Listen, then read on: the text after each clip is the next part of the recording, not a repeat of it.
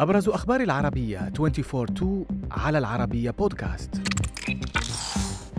بعدما أكسبه الشبه الكبير بينهما شهرة واسعة. بات شبيه الأمير البريطاني هاري خائفا ومتخفيا بسبب تصريحات دوق ساسكس في مذكراته حول مشاركته بقتل 25 من طالبان أثناء خدمته العسكرية. بريس ريتوك قال لصحيفة ديلي ميل البريطانية إنه بدأ يشعر بعدم الارتياح عندما سمع أن الأمير هاري كان يتحدث عن الفترة التي قضاها في الجيش مؤكدا خوفه من استهدافه من قبل حركة طالبان. وأضاف ويتوك أنه بات يتنكر في الأماكن العامة خشية الاعتقاد أنه الأمير هاري لافتا إلى أن الأمر يدعو للقلق والذعر. في أخبار طالبان أيضا أمرت الحركة أصحاب متاجر الأزياء النسائية بتغطية رؤوس العارضات بأكياس من القماش أو من البلاستيك. تقرير لصحيفة الشرق الأوسط أوضح أن طالبان وبعد فترة وجيزة من استيلائها على السلطة أصدرت مرسوما يقضي بضرورة إزالة العارضات من نوافذ المتاجر أو قطع رؤوسها. لكن رفض بعض التجار لهذا الأمر كونهم لن يتمكنوا من عرض ملابسهم بشكل صحيح. أجبر الحركة على تعديل القرار والسماح لأصحاب المتاجر بتغطية رؤوس العارضات بأكياس بلاستيكية أو قماشية بدلا من ذلك.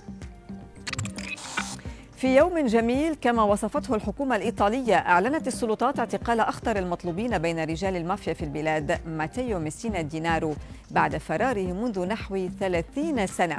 رئيسة الوزراء جورجيا ميلوني وصفت القبض على دينارو الذي يتزعم مافيا صقلية بأنه نصر كبير للدولة ويظهر عدم استسلامها أمام المافيا. فيما رأى نائبها ماتيو سالفيني أن التوقيف يبعث رسالة مفادها أنه عاجلا أم آجلا حتى أكبر المجرمين المتوارين لن يفلتوا من التوقيف. فيما يحتل دينارو المرتبة الأولى على لائحة وزارة الداخلية لأخطر ستة مطلوبين هاربين من قبضة العدالة في إيطاليا.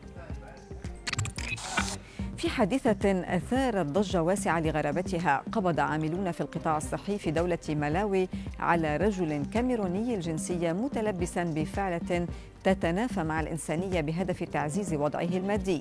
تقارير محلية ذكرت أن الرجل الذي زعم أنه عامل صحي ضبط وهو يزيل قطرات اللقاحات المقدمة لمرضى الكوليرا في أحد المراكز الصحية بالدولة بهدف تعزيز تجارته في بيع النعوش وذلك من خلال جعل المرضى يموتون في وقت تشهد البلاد تفشيا للمرض الذي أودى بحياة المئات وأصاب عددا كبيرا من الناس. فيما طالب الكثيرون إنزال أقصى العقوبات على المتهم وسط حالة من الغضب العارم ضده. في خبرنا الأخير تفاجأت الشرطة الإيرلندية بمدينة مالمو بوجود هيكل عظمي بشري ممدد على سرير منذ نحو 20 سنة عندما كانت تقوم بحملة لتنظيف العقارات المهجورة. صحيفة الميرور الإيرلندية أوضحت أن الشرطة عثرت حين بحثها في المنزل الذي يبدو أنه كان مغلقا منذ ذلك الوقت.